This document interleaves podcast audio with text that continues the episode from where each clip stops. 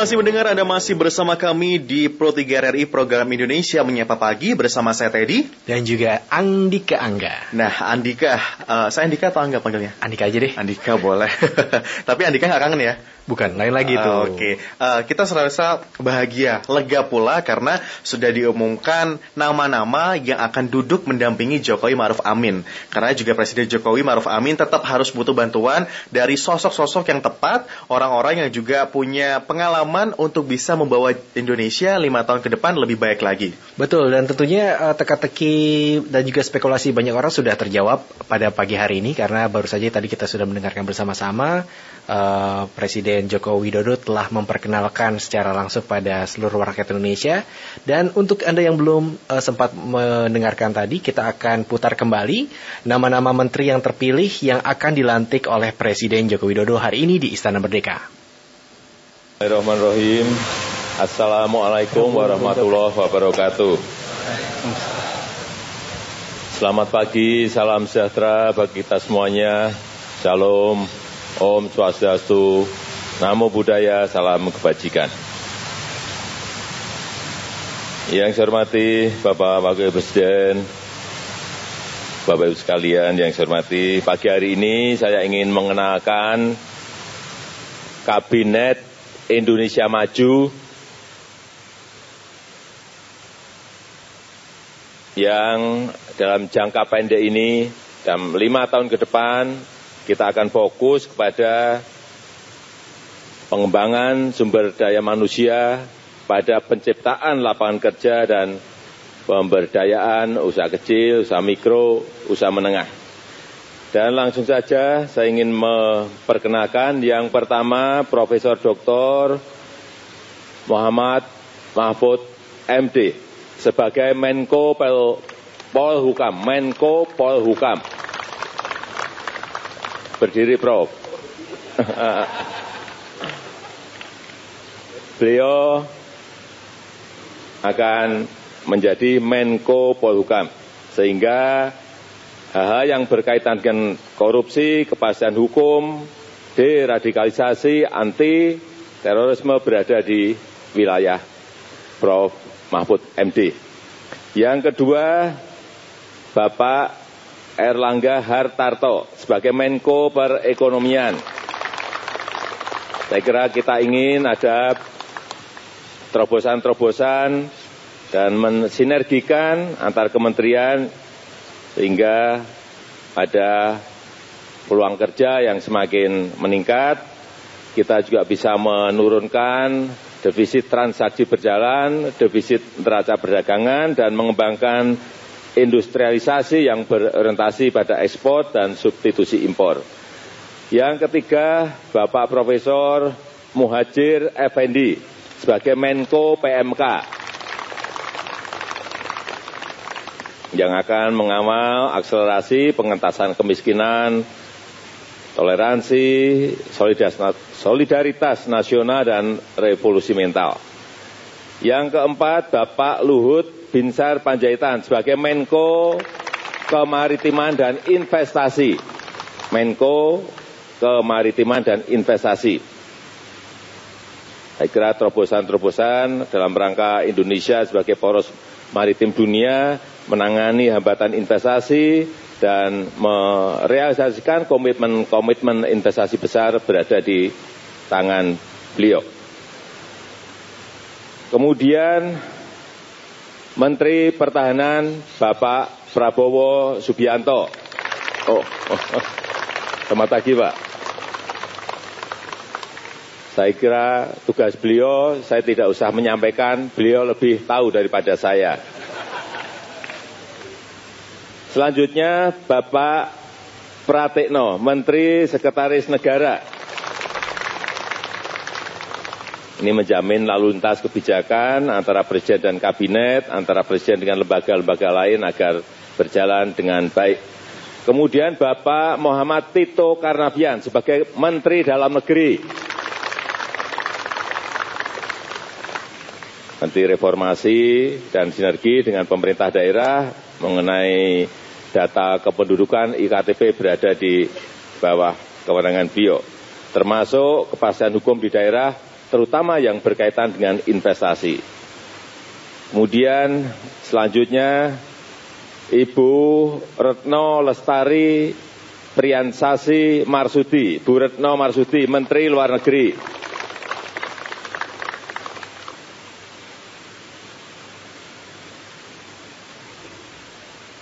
Yang kesembilan Bapak Jenderal Fahru Rasi sebagai Menteri Agama. Waalaikumsalam warahmatullahi wabarakatuh.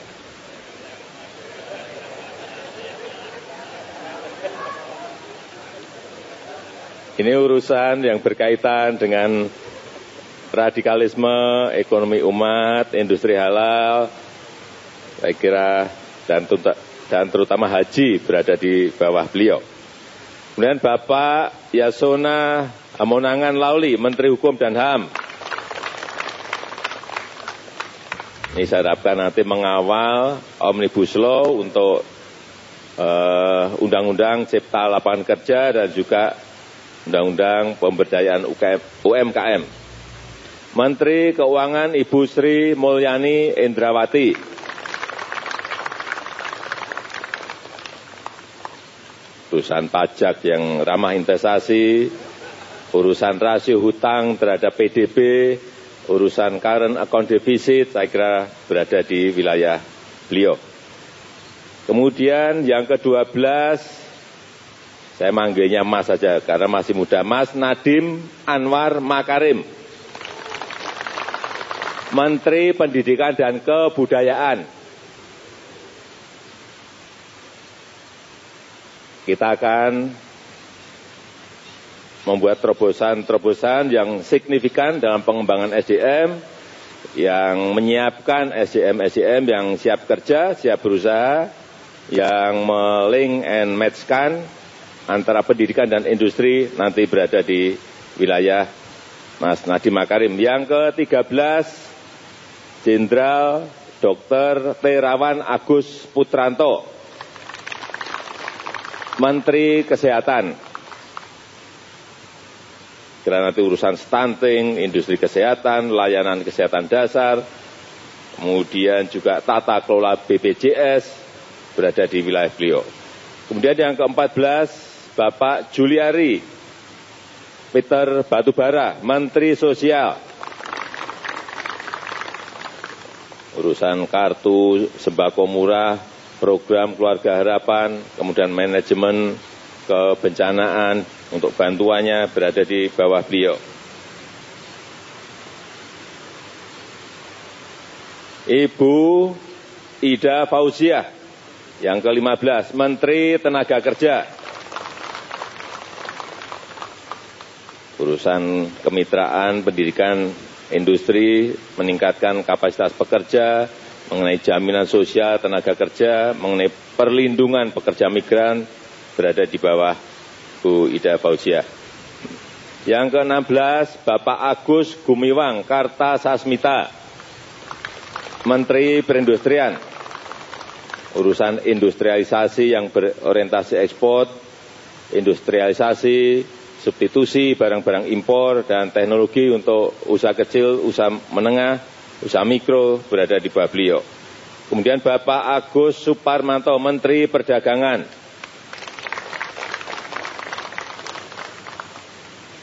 Urusan ekspor, impor, setelah perdagangan, raca perdagangan berada di bawah beliau. Kemudian Bapak Arifin Tasrif, Menteri ESDM. Beliau ini pernah menjadi dirut di BUMN, kemudian menjadi dubes di Jepang. Saya kira urusan yang berkaitan dengan realisasi energi baru terbarukan, mengurangi impor migas, dan lain-lainnya berada di bawah beliau nantinya. Kemudian Bapak Basuki Hadi Mulyono, Menteri PUPR tugasnya infrastruktur, sudah kita tahu semuanya. Bapak Budi Karya Sumadi, Menteri Perhubungan. Kita harapkan nanti Pak Basuki, Pak Budi Karya bisa mempercepat konektivitas antara jalan-jalan yang sudah ada, airport, pelabuhan, dengan industri, dengan pariwisata, dan dengan yang berkaitan dengan logistik. Bapak Joni Gerat Plate, Menkom Info, yang berkaitan dengan cybercrime, kedaulatan data, kemudian industri teknologi informasi di domestik menjadi wilayah beliau. Yang ke-22 Bapak Sahrul Yasin Limpo, Menteri Pertanian. Ini yang berkaitan dengan petani, dengan pangan, dengan uh, mengkorporasikan petani, meningkatkan produktivitas pertanian berada di wilayah Pak Sahrul Yasin Limpo. Beliau dulu adalah gubernur di Sulawesi Selatan. Ibu Siti Nurbaya Bakar, ke-23, Menteri LHK, urusan industri hijau, kehutanan sosial, eh, carbon trading, kebakaran hutan berada di wilayah Bu Siti. Bapak Edi Prabowo, Menteri Kelautan Kanan, Nah, urusan ikan, industri perikanan, wisata maritim, dan lainnya berada di bawah beliau. Bapak Abdul Halim Iskandar ke-25, Menteri Desa dan Pembangunan Daerah Tertinggal dan Transmigrasi. Bapak Sofian Jalil, sertifikasi tanah, redistribusi lahan berada di wilayah Pak Sofian Jalil. Kemudian Bapak Suharso Mono Arfa, Menteri PPN dan Kepala Bapenas. Beliau adalah dari P3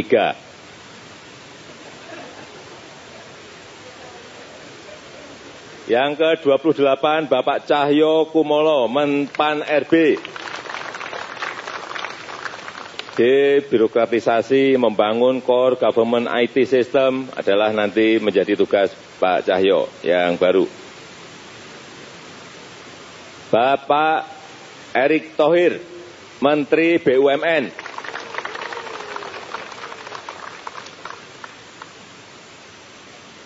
Membangun BUMN ekspansi ke pasar global adalah nanti tugasnya di beliau. Yang ke-30 Bapak Teten Mas Duki, Menteri Koperasi dan UKM. Urusan UMKM yang harus bisa go global, memperkuat modal, skill, dan jaringan pelaku UMKM menjadi urusannya nanti Pak Teten Mas Duki termasuk modernisasi koperasi yang ke-31 Bapak Wisnu Tama Kusbandio, Menteri Pariwisata dan Ekonomi Kreatif. Urusan pariwisata, 10 destinasi wisata baru, mengembangkan industri kreatif berada di wilayah Pak Wisnu.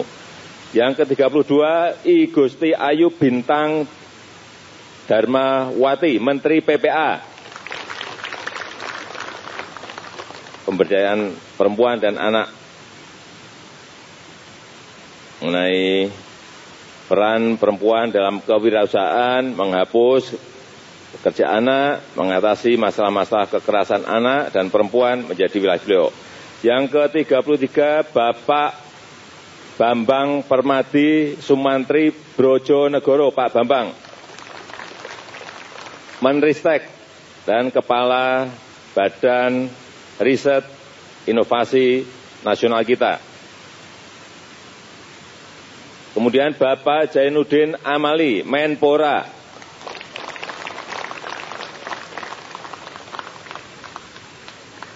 Sepak bolanya Pak.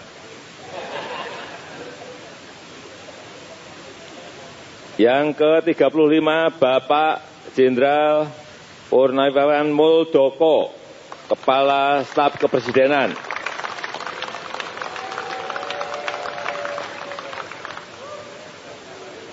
Yang ke-36 Bapak Pramono Anung, Seskap.